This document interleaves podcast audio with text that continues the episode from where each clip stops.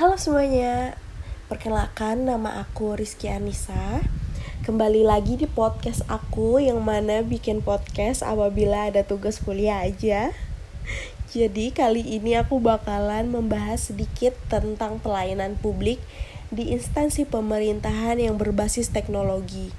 Atau bisa juga dibilang menggunakan aplikasi atau website untuk pelayanan publik tersebut. Pertama, aku bakalan jelasin dulu nih pengertian dari pelayanan publik itu sendiri. Jadi, pelayanan publik adalah segala bentuk pelayanan, baik dalam bentuk barang publik maupun jasa publik yang pada prinsipnya menjadi tanggung jawab dan dilaksanakan oleh instansi pemerintah di pusat, di daerah, dan di lingkungan badan usaha milik negara atau badan usaha milik daerah dalam rangka upaya pemenuhan kebutuhan masyarakat maupun dalam rangka pelaksanaan ketentuan peraturan perundang-undangan. Ada salah satu contoh bentuk pelayanan publik berupa aplikasi yang dapat digunakan oleh setiap masyarakat yang bernama Hai Pajak. Jadi, aplikasi ini menggabungkan antara jasa finansial dan teknologi yang mana memiliki tujuan utama sebagai pemberi solusi yang efektif dan dalam pengurusan pajak. Jadi di dalam sistem aplikasi ini um, jadi akan memastikan pajak kamu akan terkelola secara efektif dan mudah diakses sehingga dapat menghemat waktu dan biaya.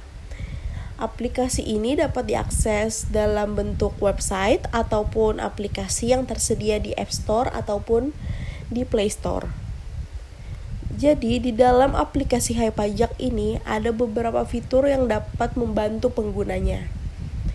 Yang pertama ada buat SPT. Jadi aplikasi ini akan menyederhanakan proses pembuatan SPT mulai dari mencatat, menghitung hingga pelaporannya. Dan yang kedua ada curhat pajak yang mana kamu dapat berkonsultasi secara langsung mengenai permasalahan pajak kamu yang mana akan direspon langsung oleh tim konsultan. Dan yang ketiga, ada rekomendasi pajak yang mana akan menganalisa pajak penghasilan kamu secara menyeluruh dan merekomendasikan solusi pajak yang paling efektif.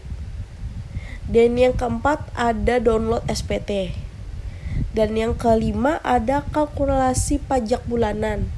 Jadi yang mana yang mana semua data penghasilan yang kamu peroleh secara secara harian ataupun bulanan akan dicatat serta dihitung untuk menentukan nominal pajak yang wajib dibayar.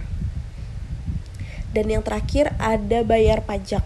Kamu bisa membayar pajak menggunakan sistem transfer melalui ATM ataupun secara online ke seluruh rekening bank yang tersedia. Uh, sekian, terima kasih kepada teman-teman yang sudah bersedia mendengarkan podcast ini. Uh, mohon maaf apabila ada kekurangan. Semoga ada ilmu baru yang dapat kalian ambil. Sampai jumpa di podcast selanjutnya. Terima kasih.